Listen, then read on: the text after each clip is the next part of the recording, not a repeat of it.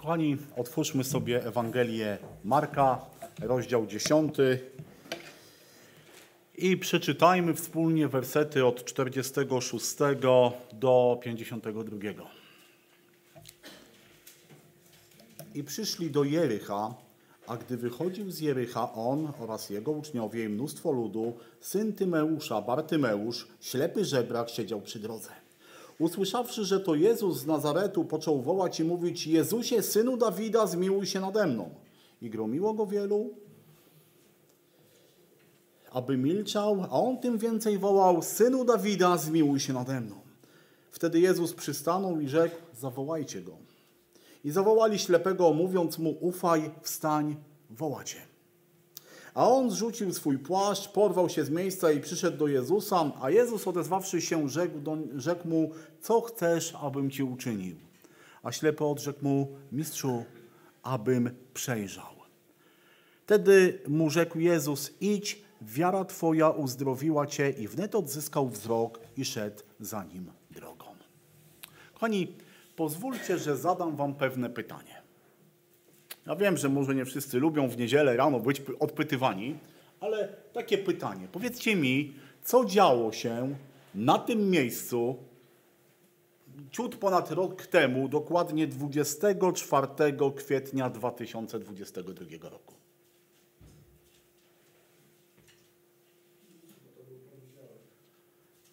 Yy, albo, no, znaczy to chodziło mi, to była niedziela. To wam podpowiem. To była niedziela. O, co się mogło dziać na tym miejscu w niedzielę? Tak nieśmiało to mówicie, zgadza się, było nabożeństwo. Co więcej, było na tym nabożeństwie ka, kazanie. A wiecie jaki fragment, a powiem, powiem tak, a wiecie kto miał kazanie wtedy? Ja. Dobrze, dobrze, dobrze nam idzie. A wiecie jaki fragment był czytany? Dokładnie ten sam fragment. Dokładnie ten sam fragment z Ewangelii Marka. No i pytanie, kolejne. Dlaczego znowu to czytam? Od razu dwie odpowiedzi wykluczę. Nie dlatego, że moja skleroza jest tak wielka, chociaż ja zawsze mówię, że skleroza to moja siostra rodzona i zawsze jest gdzieś blisko mnie, ale nie. Nie jest, drogi, powód, który wykluczam, to nie jest dlatego, że kazanie moje było daremne. Bo mam nadzieję, albo przynajmniej taką mam nadzieję, że nie bo mówiliśmy sobie wtedy o tym, co, że Jezus dostał to pytanie, co chcesz, abym Ci uczynił, że to jest pytanie, które każdy z nas musi zadać Bogu. Albo inaczej, to Pan Bóg zadaje to pytanie każdemu z nas, co chcesz, abym Ci uczynił w Twoim życiu. Więc te dwie rzeczy wykluczam. Ale wiecie, dlaczego o tym chcę znowu dzisiaj mówić? Po pierwsze, dlatego, że pewne prawdy Bożego Słowa się nie zmieniają.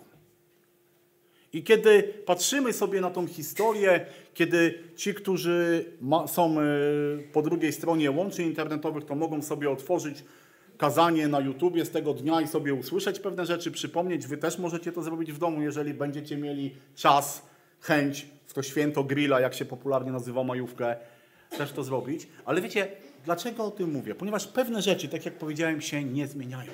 I kiedy czytamy tą historię o Bartymeuszu, to widzimy tam kilka rzeczy, które chciałbym w skrócie przypomnieć. Po pierwsze, widzimy, jaki jest Bóg.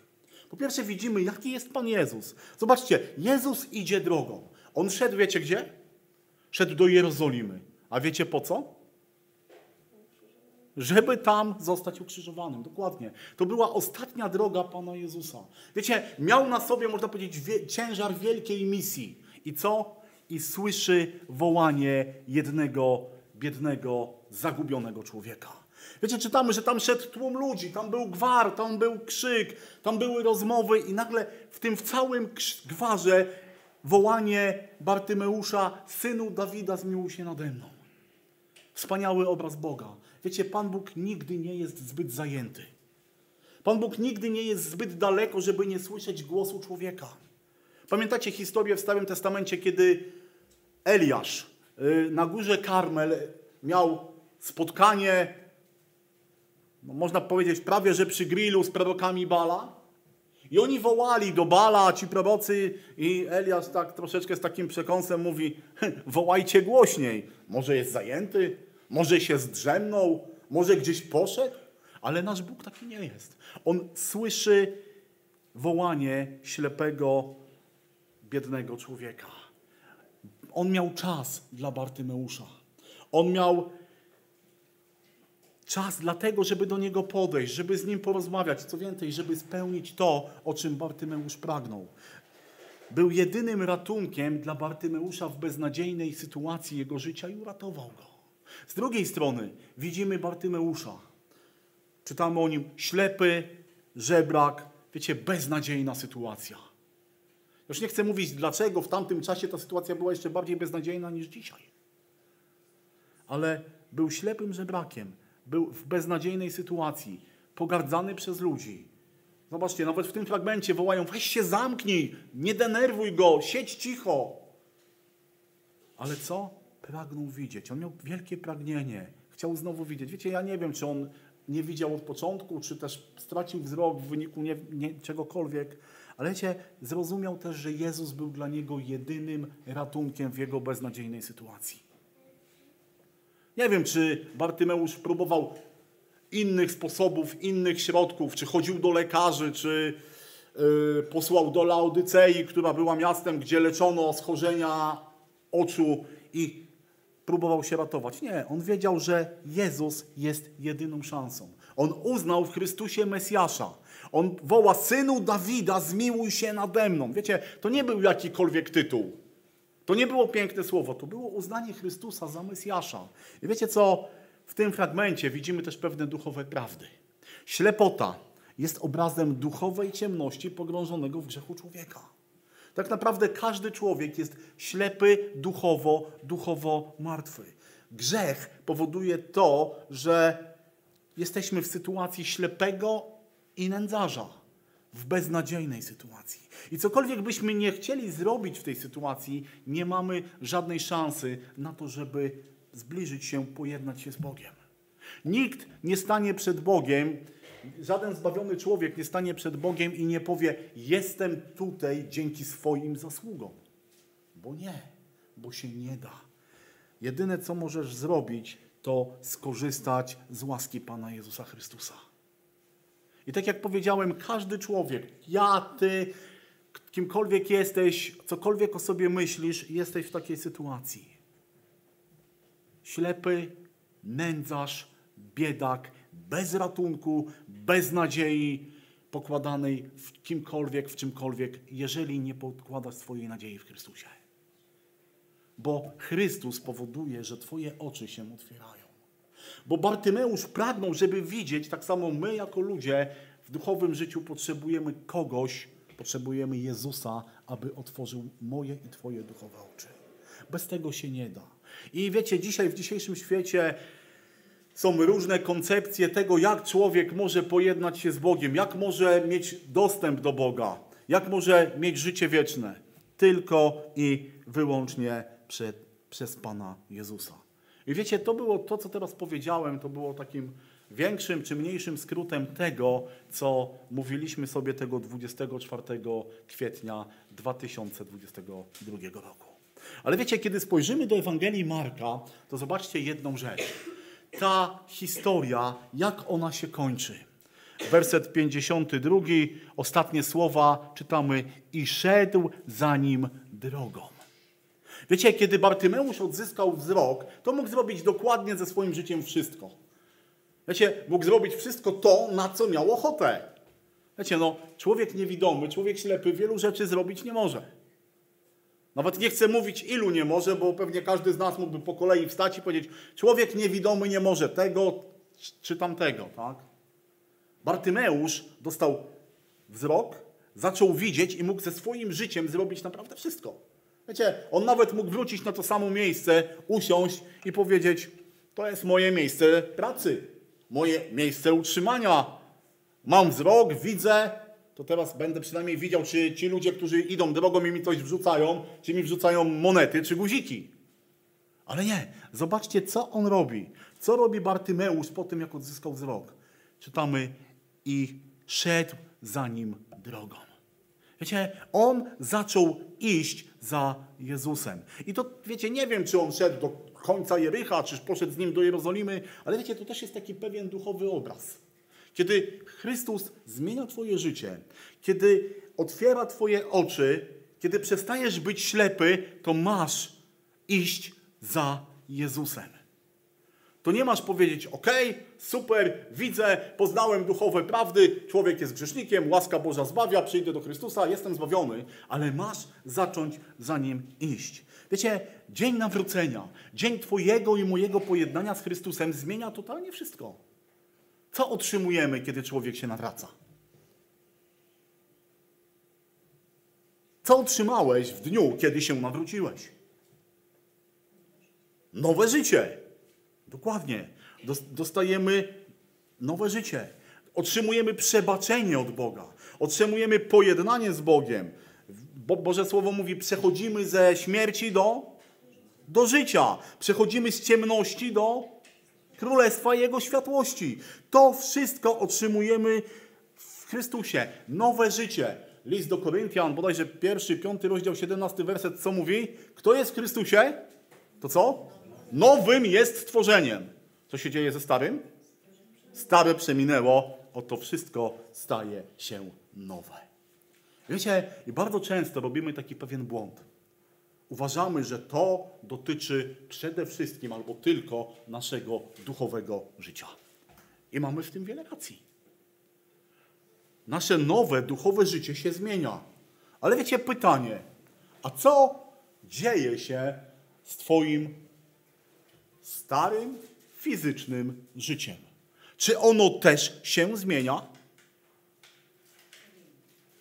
Ono powinno, co więcej, ono musi ulec zmianie. Zobaczcie, kiedy sobie otworzymy, ale to może za chwilę jeszcze sobie otworzymy pewien fragment, ale zobaczcie, nasze życie musi się zmienić. Bo inaczej, zaczynamy inaczej patrzeć, wiecie, inaczej patrzeć na Boga, inaczej patrzeć na ludzi, inaczej patrzeć na siebie. Wszystko się zmienia. Ale tak jak powiedzieliśmy, nasze to życie tutaj, teraz na ziemi musi też ulec zmianie. Wiecie, to nie jest tak, że okej, okay, żyję z Bogiem, ale teraz, Panie Boże, wspaniale jest, jestem Twoim dzieckiem, a teraz daj mi spokój, bo mam pewne rzeczy do zrobienia w moim życiu jeszcze. Nie. Twoje życie musi ulec zmianie. W liście do Galacjan, drugi rozdział, 20 werset, czytamy właśnie o tej zmianie. Nie wiem, czy ja go podałem, czy nie, ale jak macie Biblię, to proszę otwórzcie. List do Galacjan, drugi rozdział, 20 werset. Tam czytamy takie słowa: Z Chrystusem jestem ukrzyżowany. Żyję więc już nie ja, ale żyje we mnie Chrystus, a obecne życie moje w ciele jest życiem w wierze w Syna Bożego, który mnie umiłował i wydał samego siebie za mnie.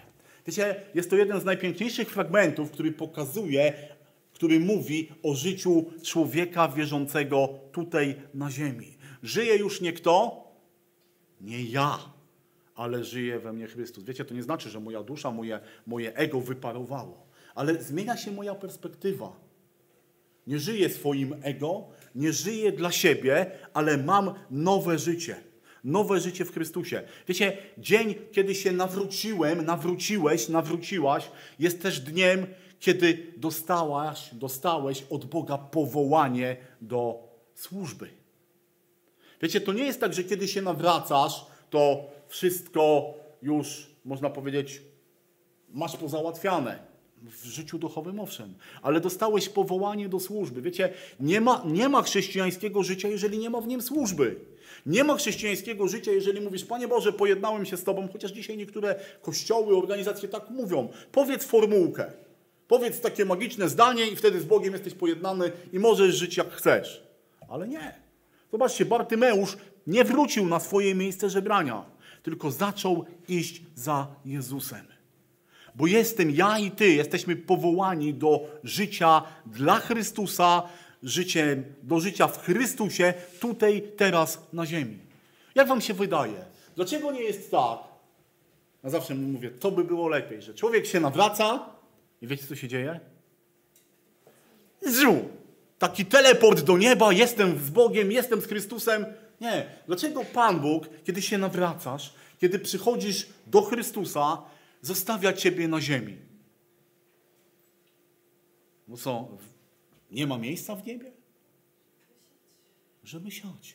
On ci daje pewne posłannictwo, on ci daje pewną służbę, on cię do czegoś powołuje.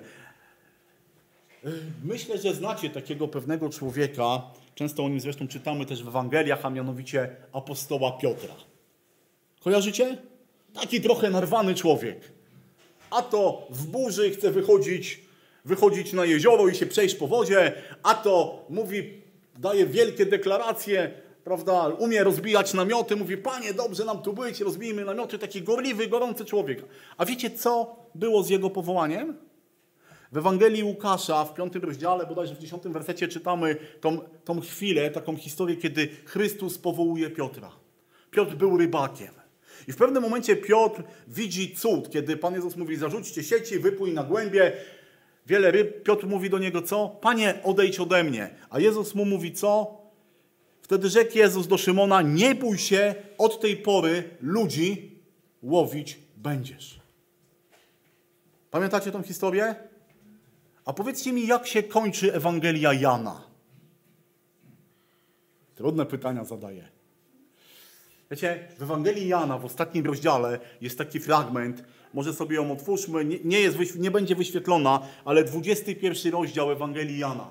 I tam jest historia, kiedy, ucznią, kiedy Jezus ukazuje się swoim uczniom nad Morzem Tyberiackim, ale wiecie, w trzecim wersecie jest takie słowo, powiedział do nich Szymon Piotr, idę łowić ryby.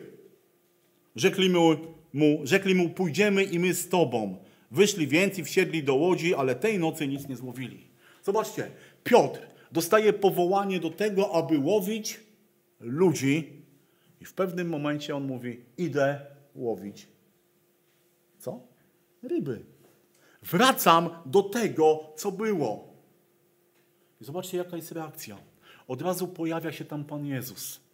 Od razu przychodzi i jest kolejny cud z połowem ryb, jakby przypomina Piotrowi, Piotrze, zastanów się nad swoim życiem. Co ty chcesz zrobić? Chcesz iść łowić ryby? Przecież nie do tego zostałeś powołany. I jest tam dalej ta historia, kiedy trzy razy Pan Jezus pyta się Piotra, Piotrze, miłujesz mnie? I co Piotr odpowiada? Tak, Panie. Dzisiaj myślę, że Piotra kosztowało to dużą chwilę zastanowienia. Tak, Panie, Ty wiesz, że Ci miłuję. I co mu mówi Jezus? To pójdź za mną. To 22 werset tego rozdziału mówi, Ty chodź za mną. Nie oglądaj się na ryby, nie oglądaj się na innych, bo on się pyta o Jana, a co z tym? Jezus mu można powiedzieć, mówi, co Cię to obchodzi? Ty masz chodzić za mną. Bo Ty nie masz być taki, jak byłeś. Bo Ty masz być zmieniony. Wiecie, to jest, to jest to, do czego Chrystus powołuje. Dobrze jest łowić ryby, ale nie do tego zostałeś, Piotrze, powołany. Pytanie, do czego ja, do czego Ty dzisiaj jestem powołany. Zobaczcie, Bartymeusz nie wracał. On nie wracał do starego życia. On nie wracał, żeby dalej być nędzarzem i biedakiem. Nie. On poszedł za Chrystusem. Jeżeli my jesteśmy duchowo ślepi w grzechu i kiedy Chrystus nas powołuje, kiedy otwiera nam oczy, to jesteśmy też powołani do tego, żeby przestać być nędzarzami. Żeby przestać być biedakami. Żeby nasze życie było takie jak do tej pory. Nie, my jesteśmy powołani do służby. My jesteśmy powołani do działania. My jesteśmy powołani, słuchajcie, po co Chrystus powołuje ludzi do kościoła? Do tego, aby działali do tego, aby szli, do tego, aby wydawali świadectwo. Wiecie, zadałem wam na początku pytanie. Nie wiem, czy było trudne, czy łatwe, ale daliście sobie radę. Ale teraz wam zadam drugie pytanie. Powiedzcie mi, jaki w Biblii jest najsmutniejszy werset dotyczący chrześcijan, dotyczący chrześcijańskiego życia? Ktoś ma jakieś typy? Objawienie. Dzisiaj otwórzmy sobie Księgę Objawienia. Trzeci rozdział, siedemnasty werset. Najsmutniejszy według mnie werset, który mówi o życiu chrześcijanina. Ponieważ mówisz, Bogaty jestem i wzbogaciłem się i niczego nie potrzebuję, a nie wiesz, żeś pożałowania godzien, nędzarz i biedak, ślepy i goły. Chciałbym, żebyśmy może przeczytali sobie szerszy kontekst tego, tego wersetu od 14. Tam czytamy coś takiego. A do anioła zboru w Laodycei napisz, ten mówi ten, który jest Amen, świadek wierny i prawdziwy, początek stworzenia Bożego. Znam uczynki Twoje, żeś ani zimny, ani gorący, obyś był zimny albo gorący, a takżeś letni, a nie gorący, ani zimny, wypluję Cię z ust moich, ponieważ mówisz, bogaty jestem i wzbogaciłem się i niczego nie potrzebuję, a nie wiesz, żeś pożałowania godzien, nędzarz i biedak, ślepy i goły. Radzę ci, żebyś nabył u mnie złota w ogniu wypróbowanego, abyś się wzbogacił i abyś przyodział szaty białe, aby nie wystąpiła na jaw haniebna nagość twoja oraz maści, by nią namaścić oczy twoje, abyś przejrzał. Wszystkich, których miłuję, karcę i smagam, bądź tedy gorliwy i upamiętaj się. Oto stoję u drzwi i kołaczę. Jeśli ktoś usłyszy głos mój i otworzy drzwi, wstąpię do niego i będę z nim wieczerzał, a on ze mną. Zwycięzcy pozwolę zasiąść na, ze mną na moim tronie, jaki ja zwyciężyłem i zasiadłem wraz z Ojcem moim na jego tronie. Kto ma uszy, niechaj słucha, co Duch mówi do zboru. Wiecie, jest to fragment czegoś, co w objawieniu nazywa się siedmioma listami do zborów. I Czytamy tutaj o zborze w takim mieście La Laodycea. I wiecie, to było miasto w Azji. W Azji Mniejszej, w prowincji, które się nazywało Frygia. I to było bardzo bogate miasto. Ono leżało na, na takim szlaku, gdzie się trzy różne komunikacyjne szlaki yy, krzyżowały i była Laodycea była znana z bogactwa. Była miastem, w którym rozwijało się, e, rozwijały się banki, handlowano tam złotem, była znana z produkcji czarnej wełny, hodowano tam specjalne, ow, specjalne owce. Taki, nie wiem jak to nazwać. No taki gatunek, typ, nie wiem. Patrzę na Tymka, jest weterynarzem, to powinien mi... Rasa, o, dobrze. Taką rasę owiec, które, były, które wełna była czarna. I z, tych, z tej wełny robiono czarne szaty pogrzebowe, tkano też z niej dywany. Była też, Laodycea była też miastem, w którym było, był rozwinięty przemysł farmaceutyczny. Produkowano tam taką specjalną myśl, yy, przepraszam, taką specjalną maść. Maść, ona się nazywała proszkiem frygijskim i ona leczyła oczy. Ona leczyła oczy, ona miała jakiś tam skład i był to, było to miasto, które wraz z Kolosami i Hierapolis tworzyła takie swoiste trójmiasto. I tak naprawdę nie wiemy skąd wziął się tam zbór, kto go założył. E, być może byli to ci, którzy w Dzień Pięćdziesiątnicy byli w Jerozolimie, bo czytamy, że byli tam mieszkańcy Frygii. Inny, inni bibliści mówią, że być może e, to miast, ten zbór w tym mieście założył Epafrodyt, współpracownik apostoła Pawła. Na pewno nie był to Paweł. Ale Paweł pisał do tego zboru w liście do Kolosan między innymi, on wspomina E, zbór w Laodycei. Co więcej, on nawet napisał list do Laodycei. Jest, jest e, w, dziejach, e, w dziejach apostolskich taki fragment, który w liście do Kolosan, przepraszam, jest taki fragment, a ten list, czyli list do Kolosan, będzie, a gdy ten list będzie u was odczytany, postarajcie się o to, aby został odczytany także w zborze Laodycejczyków, a ten, który jest w Laodycei i wy też przeczytajcie. A więc Paweł pisał do tego zboru. Niektórzy uważają, że list do Efezjan to jest właśnie listem takim ogólnym, który był też czytany w Laodycei. Ale wiecie, nie zachował się ten list, prawdopodobnie, ale zachował się ten list, który przed chwilą czytaliśmy. List, którym Pan Jezus pisze do zboru. Pisze do zboru w Laodycei. Pisze słowa, które, wiecie, są bardzo smutne. To jest chyba najbardziej smutny list w całej jego treści. Mamy jeszcze sześć innych listów do zborów. Wiecie, że list do Laodycei jest jedynym listem, w którym Pan Jezus niczego nie pochwalił. Nawet do, nawet do zboru, do którego Pan Jezus pisze, że masz imię, że żyjesz, a jesteś umarły, tam też znalazł coś do pochwały. W liście do Laodycei nie ma żadnej pochwały. Smutny obraz zboru. I wiecie, kiedy różni interpretatorzy, bibliści patrzą na objawienie, to bardzo różnie interpretują ten, e, te, te listy do zborów. Niektórzy mówią, że one pokazują e, życie, pewne odcinki, okresy w historii Kościoła. Być może tak jest. Inni mówią, że one pokazują ogólny, duchowy obraz zboru. Pewnie tak jest, ale wiecie co? Ja mam pytanie. Co to znaczy ogólny, duchowy stan zboru?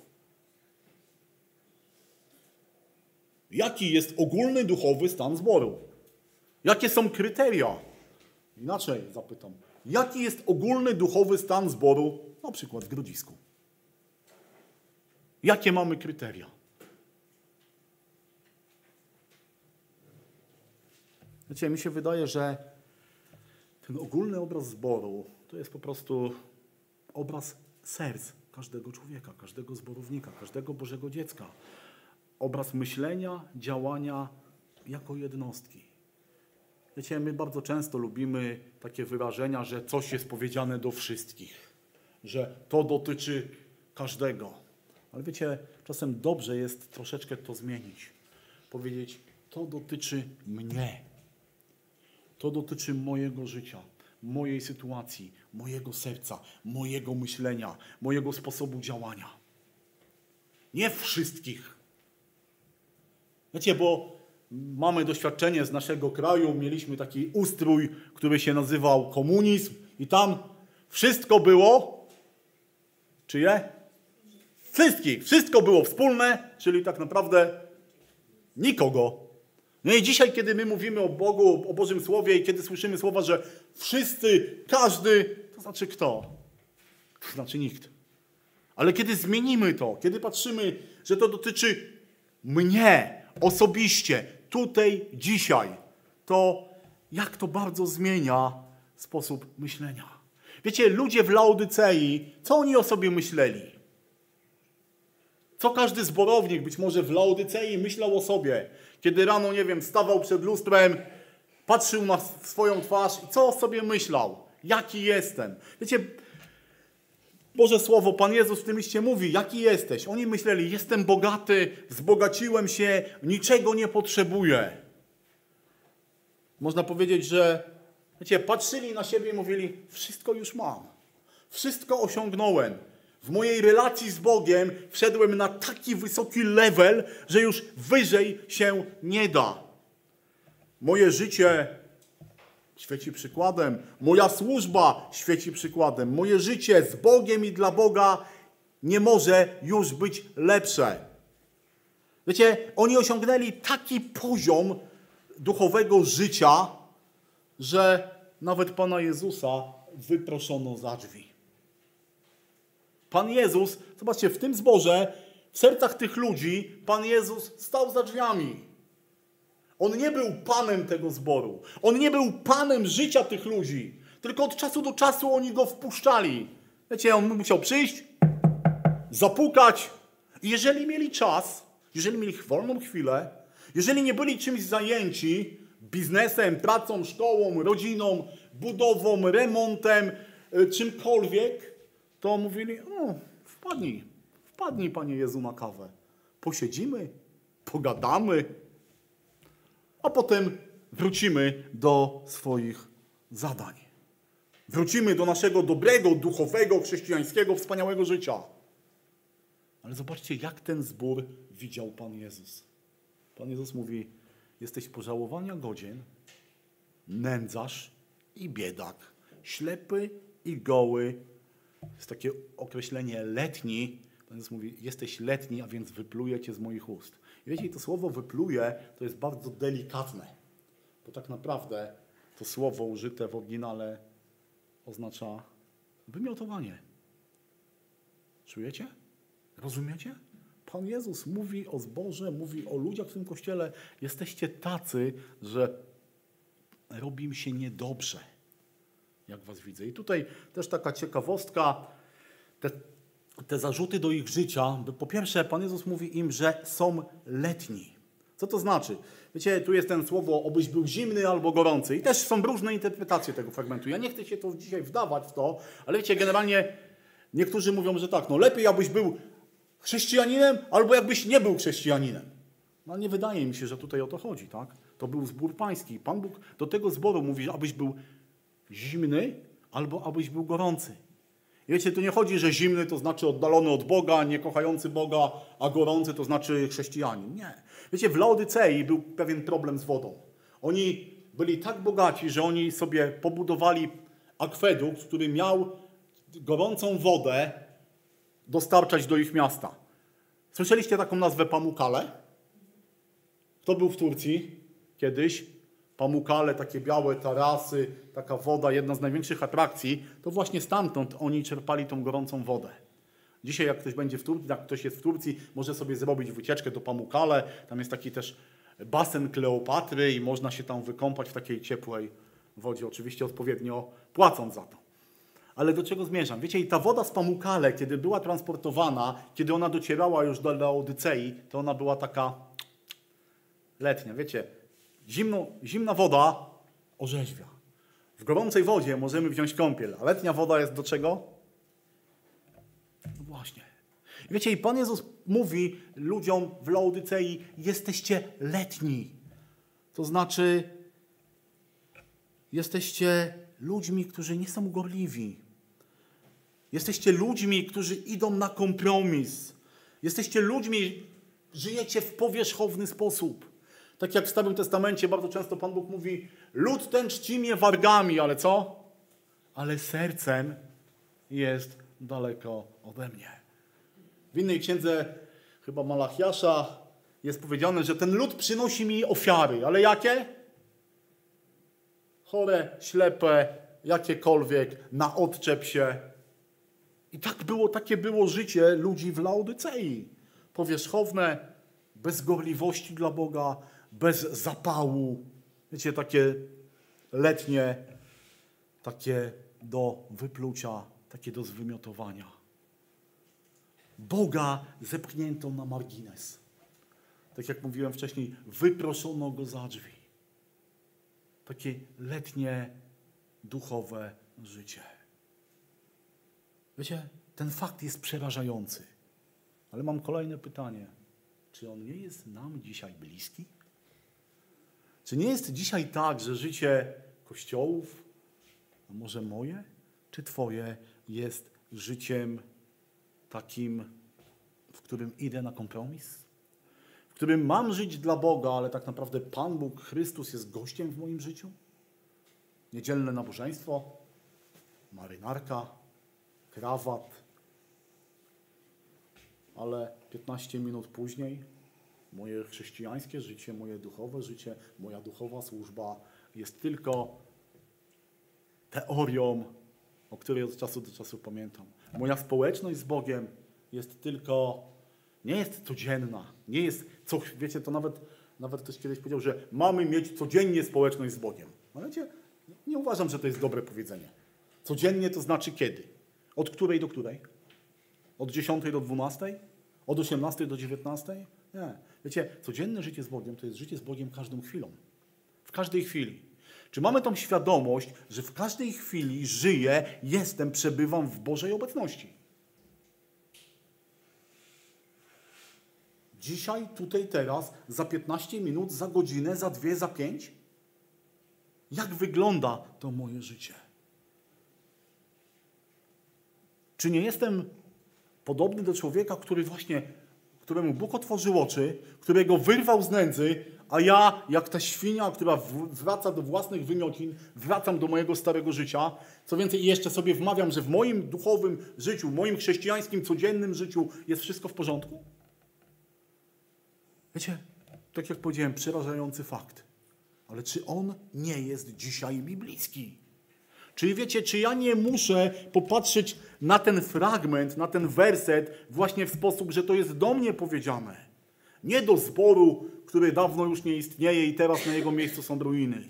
Nie do mojego brata czy siostry po mojej lewej czy prawej stronie, ale do mnie. Że jestem biedny, ślepy i jestem nędzarzem.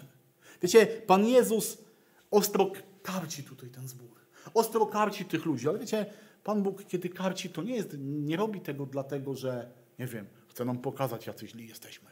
Ale nie. Kiedy Chrystus przychodzi z napomnieniem do życia człowieka, do mojego życia, to On przychodzi z miłością. Wiecie, Chrystus, karcenie Pana Jezusa jest nacechowane miłością, nie gniewem, nie złością. Zobaczcie, Jezus mówi, jaki jest stan tego zboru, jaki jest stan tego, tych ludzi i mówi, ale co? Mam dla Ciebie ratunek. To nie jest tak, że Pan Bóg mówi, jesteś taki, taki, taki, taki i teraz co? Ale Pan Bóg mówi, nie, zobacz, mi zależy na tym, żebyś wzrastał, żebyś się nawrócił, żeby Twój sposób myślenia, działania, życia był właściwy, żebyś powrócił do pierwotnej gorliwości. Chrześcijanie, tutaj czytamy, że powinni nabyć złota oczyszczonego w ogniu. Wiecie, to też jest symbol. To jest symbol takiej prawdziwego bogactwa. Bo dzisiaj my jako ludzie, wiecie, dajemy się złapać na bogactwo tego świata i gonimy za różnymi rzeczami. Czy one są nam potrzebne, czy nie, ale gonimy i chcemy mieć coraz więcej, więcej, więcej, więcej. Ale nie. Bóg mówi, prawdziwe bogactwo to co? To wiara, to miłość, to duchowa mądrość pokazywana w codzienności. Dalej, bo Bóg mówi, przywdziej białe szaty. Tak jak powiedziałem, w Laodycei produkowano czarne. I ci wiecie, może ci ludzie chcieli być tak bardzo podobni do tych z Laodycei, że też zakładali takie, takie szaty. Ale chrześcijanin ma nową szatę, ma białą szatę. To jest szata czystości i, bos i takiego boskiej godności. Wiecie, przeszliśmy ze świata, ze śmierci do żywota. Mamy nowego Pana. Czy pokazujemy moim życiem, czy ja pokazuję moim codziennym życiem, że mam nowego Pana, że On jest obecny w moim życiu, że On jest ważny w moim życiu, że On jest moim życiem. Ale nie, oni oddalili się duchowo od prawdziwego źródła. Wiecie, my też czasem mamy coś takiego, że oddalamy się od, naszej, od duchowego źródła, od naszej pociechy, od Chrystusa. A później dziwimy się, że pewne rzeczy są tak, takie, a nie inne w moim życiu. Ostatnio czytałem książkę, ktoś się zaczął zastanawiać, dlaczego w moim duchowym życiu, dlaczego w moim życiu w ogóle nie ma Bożego błogosławieństwa. No ale przepraszam, jeżeli Boga wystawiasz na zewnątrz, to dlaczego oczekujesz Bożych błogosławieństw?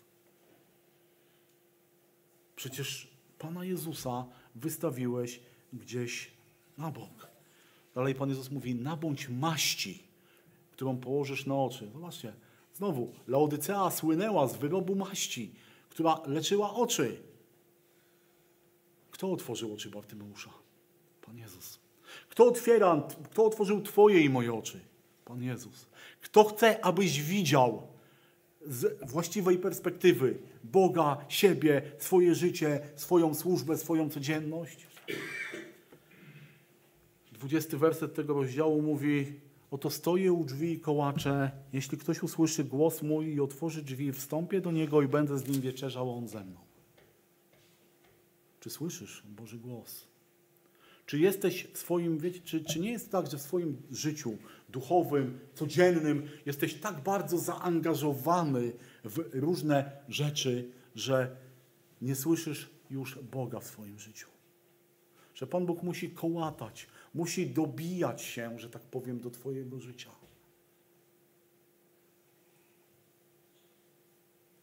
Wiecie, kiedy ja, nie wiem jak Wy, ale kiedy ja czytam ten list, kiedy wsłuchuję się w te słowa napomnienia, które są kierowane nie do zboru w Laodycei, nie do wszystkich, nie do każdego, ale właśnie dzisiaj tutaj i do mnie, to wiecie, zastanawiam się nad pewnymi rzeczami. Muszę sobie postawić kilka pytań w moim życiu. Czy żyję dla Boga i tego, do czego mnie powołał? Czy też zamykam się na to, co On otworzył? Czy zamykam się na Boże perspektywy i wracam do swojego życia? Muszę zapytać siebie, czy Jezus jest pierwszym i jedynym Panem w moim życiu, czy też może służę innym Panom. Czy moje życie cechuje gorliwość i zapał dla Boga na każdym obszarze, czy też może letniość, kompromis, banalność i pustka? Czy moje bogactwo jest duchowym bogactwem? Czy staram się o bogactwo tylko i wyłącznie materialne. Czym się szczycę? Z czego jestem dumny? Co mnie nakręca? Czy są to moje ego, moje pasje, moje ja, moje sprawy, czy Chrystus? Czy w moim życiu są jakieś obszary, w których jestem ślepy, w których potrzebuję maści na oczy, maści Chrystusa? Inne pytanie, jak odbieram karcenie od Boga? Tutaj czytamy, kogo Bóg miłuje, tego karci i smaga. Nie dlatego, że nas nie kocha, ale właśnie z miłości. Wielu z nas ma dzieci. Karcicie swoje dzieci? Ja wiem, że dzisiaj jest to, jak to skarcić dziecko? Ale dzieci wymagają karcenia. Dlaczego rodzice karcą swoje dzieci? Bo je nie kochają? Dlaczego, brzydko powiem, dziecko dostanie po łapach, jeżeli włoży, jeżeli chce włożyć śrubokręt do kontaktu? Bo go kochasz. Dlaczego Chrystus czasem musi Ciebie skarcić? Bo Cię kocha.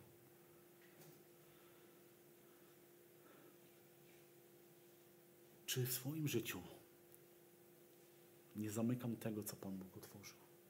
Czy jestem gorliwy? Czy jestem pełen zapału do pracy dla Pana? Czy też, wiecie, traktuję Boga jako gościa w moim chrześcijańskim życiu? Bardzo miłego, bardzo oczekiwanego, ale tylko gościa. Ale Pan Jezus nie chce być gościem w Twoim życiu. Nie chce być gościem w moim życiu. Ja przepraszam, że mówię w Twoim. Powinienem zawsze mówić w moim. Jezus nie chce być gościem w moim życiu. Jezus nie chce być tylko tym, kto od czasu do czasu wpada, ale On chce być tym, który jest ze mną zawsze. I On chce być tym, dla którego żyję, pracuję, służę, dla którego jestem gorliwy, a nie letni. I oby Bóg nam pomógł, aby te słowa jesteś biedny, ślepy, goły i nędzarz, żeby nie były udziałem w moim, Twoim życiu.